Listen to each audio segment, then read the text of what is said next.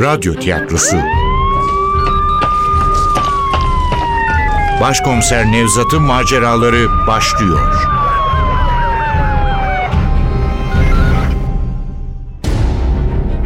İstanbul Hatırası.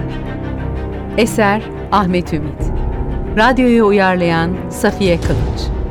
Seslendirenler Başkomiser Nevzat Nuri Gökaşan Ali Umut Tabak Leyla Barkın Nilgün Kasapbaşoğlu.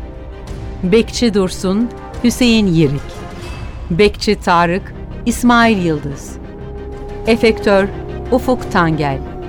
Ses Teknisini Can Erdoğan ve Ergun Göcen. Yönetmen Aziz Acar.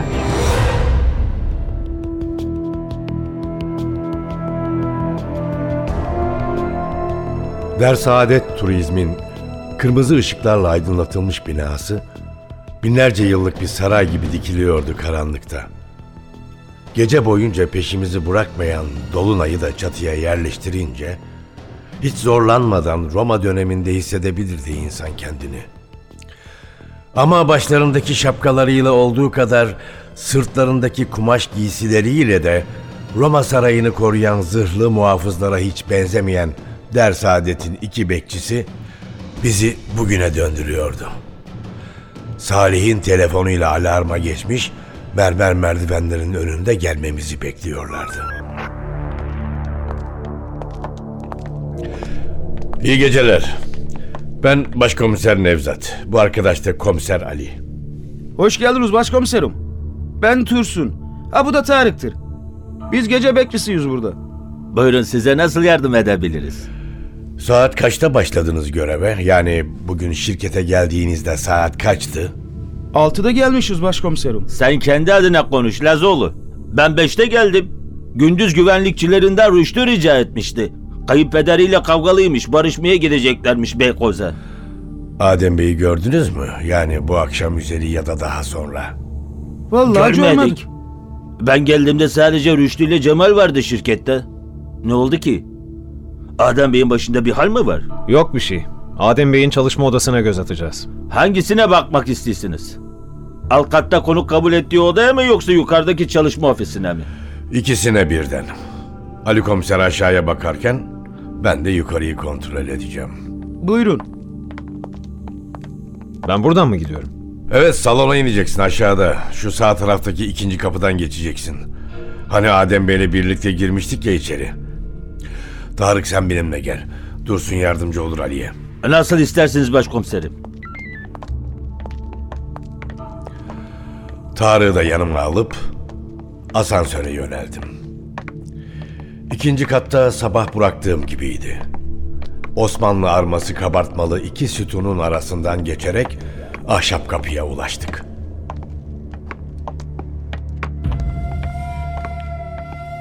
Kapı kilitlidir başkomiserim. Adem Bey'in odasına öyle kolayca girilmez. Anahtarları da belirli kişilere verir. Eğer içeriden bir şey kaybolursa anahtarı verdiği kişiyi sorumlu tutar. E bu yüzden bir arkadaş işinden oldu geçen ay. Eğer içeride aradığımızı bulamazsak eşyalar değil bu kez bizzat Adem Bey'in kendisi kaybolacak. Hadi acele et. Zaman kaybediyoruz. Işıklar ışıklar nereden yanıyor? Işığın açılmasıyla ortadaki devasa avize ansızın bir renk cümbüşüne dönüşüverdi. Kırmızıların, sarıların egemen olduğu şatafatlı oda parlamaya başladı gözlerimizin önünde. Aceleyle bilmem kaçıncı Louis tarzı masaya yöneldim. Tarık merakla izliyordu beni. Masanın üzerine sağına soluna bakındım. Ajandaya not defterine benzer bir şey göremedim. Çekmecelere eğildim. Üsttekini açtım. Mürekkep kutusu, dolma kalem seti, boş bir not defteri, gümüş püsküllü bir tesbih. Arkada hiç açılmamış bir pro kutusu. Altın kaplama bir çakmak. Ne arıyorsunuz başkomiserim? E, yani ne aradığınızı söylersiniz belki yardımcı olabilirim. Ajanda. Adem Bey'in ajandasını arıyorum. Randevularını onun içine yazarmış. E işte orada. Başımı kaldırdım. Bu sabah Adem Yezda'nın oturduğu koltuğun sol tarafındaki nakışlı sehpanın üzerinde Siyah kaplı defteri gösteriyordu Tarık. Onun hakkındaki tüm kötü düşüncelerimi geri alarak defterin bulunduğu sehpaya ilerledim.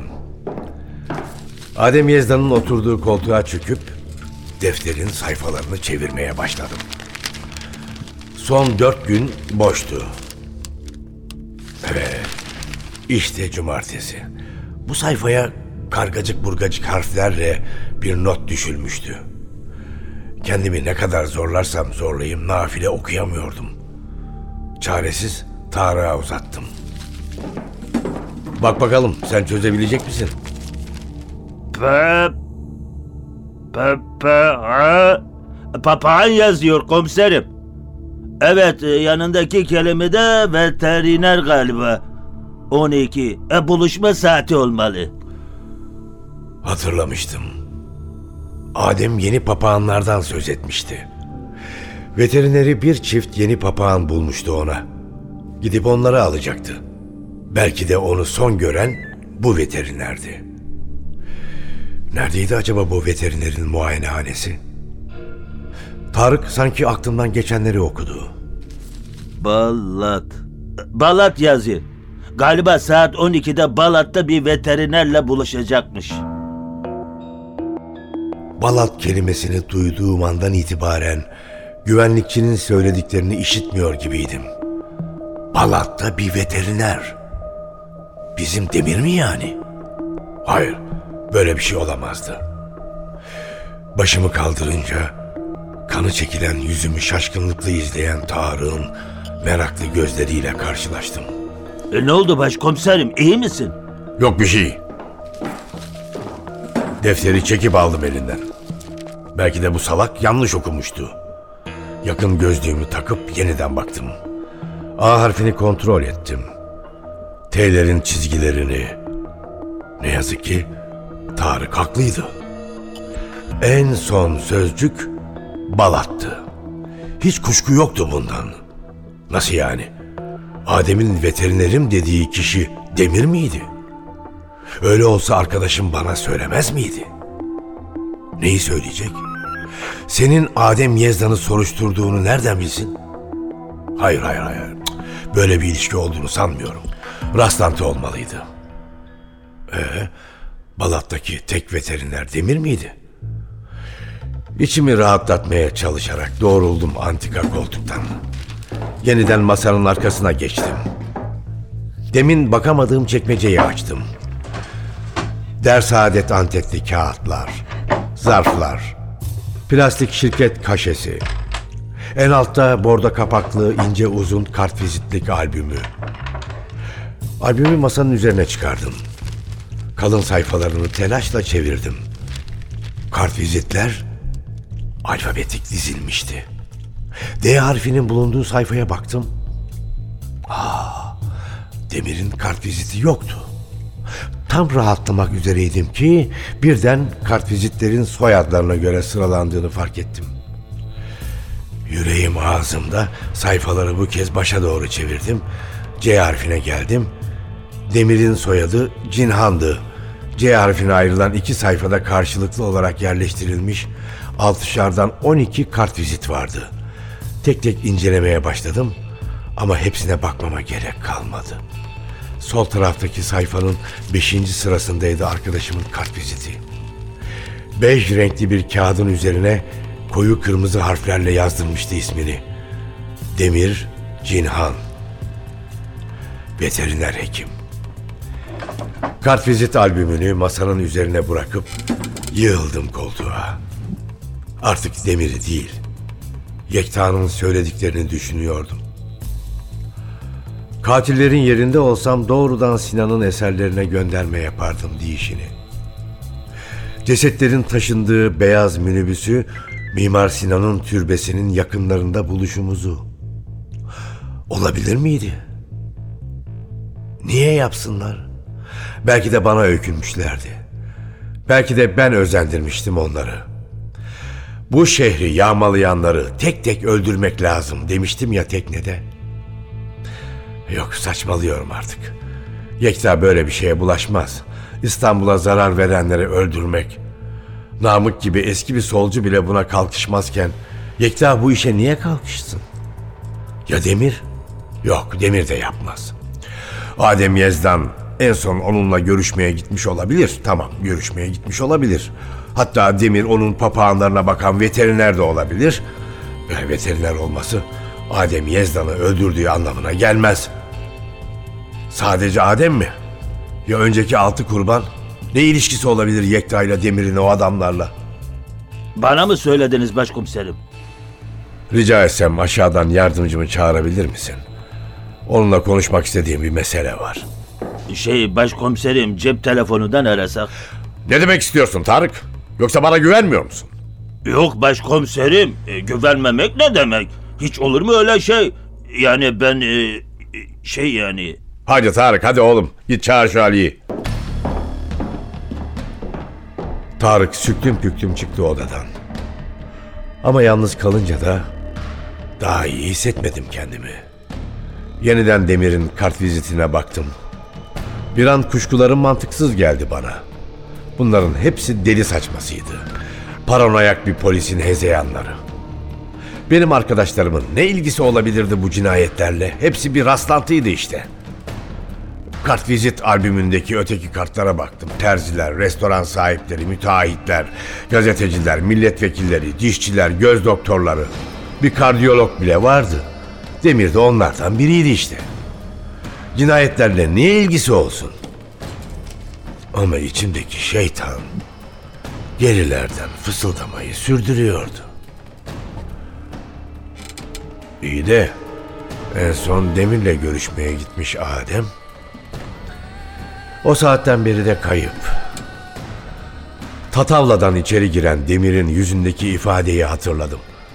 Onu öyle görünce zor bir ameliyatı başarıyla tamamlamış ya da önemli bir sorunu çözmüş olmalı diye düşünmüştüm. Yüzündeki o ifade son kurbanını da kimseye yakalanmadan kaçırmış ya da öldürmüş bir katilin rahatlığı olabilir miydi? Bu korkunç ihtimali kafamdan uzaklaştırmaya çalışıyordum ki Yekta'nın kederli hali geldi gözlerimin önüne. Boş vermiş bir edayla vakit çok geç be Nevzat deyişi. Ama Handan'ın ölüm yıl dönümüymüş. Handan'la oğlu Umut'un. O yüzden mutsuzmuş. Kederi o yüzdenmiş. Kaza olalı üç yıl olmuş. Üç yıl mı? Şoka uğramış gibi irkildim. Üç yıl.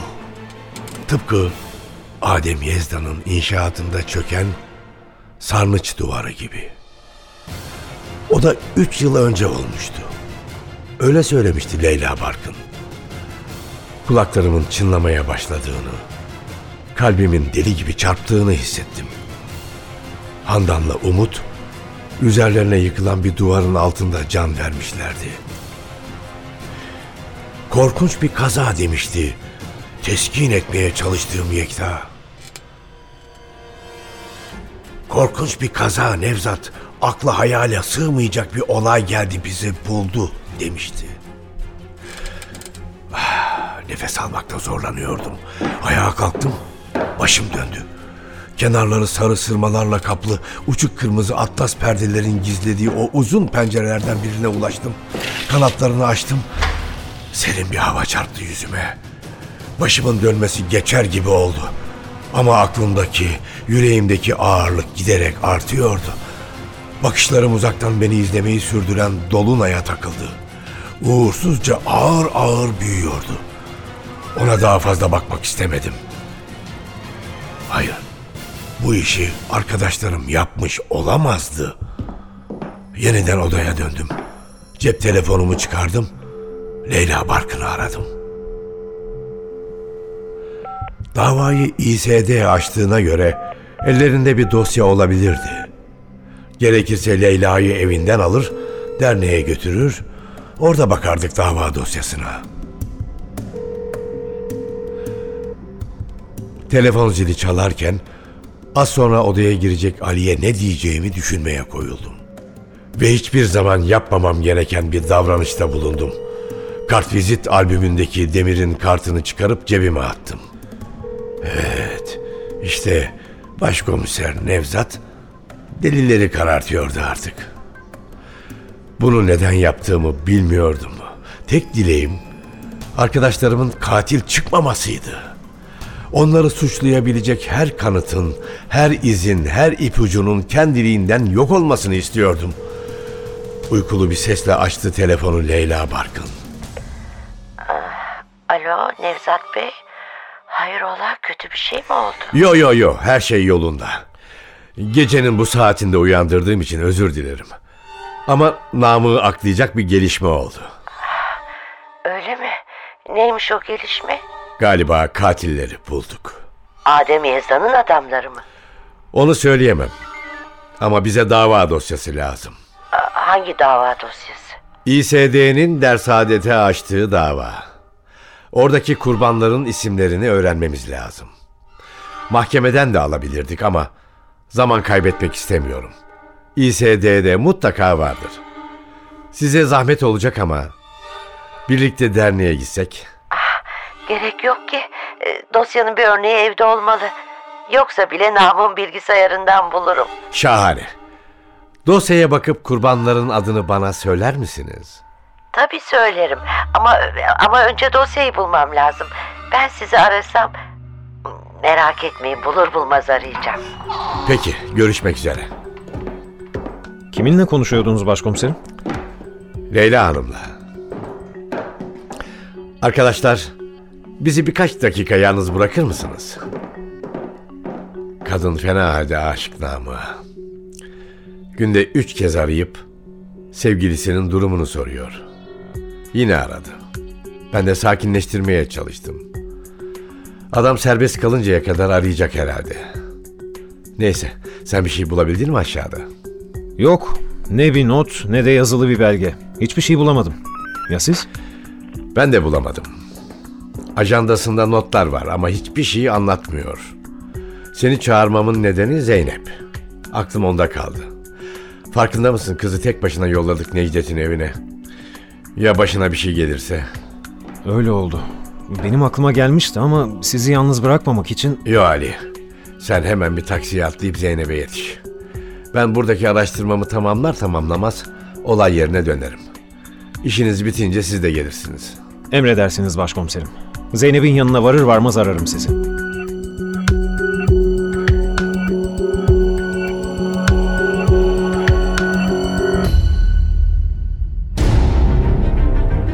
İstanbul Hatırası. Eser Ahmet Ümit. Radyoyu uyarlayan Safiye Kılıç. Seslendirenler Başkomiser Nevzat Nuri Gökaşan Ali Umut Tabak Leyla Barkın Nilgün Kasapbaşoğlu. Bekçi Dursun Hüseyin Yirik Bekçi Tarık İsmail Yıldız. Efektör Ufuk Tangel.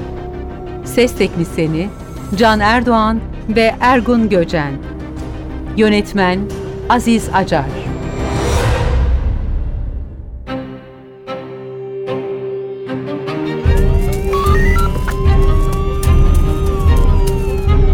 Radyo tiyatrosu. Başkomiser Nevzat'ın maceraları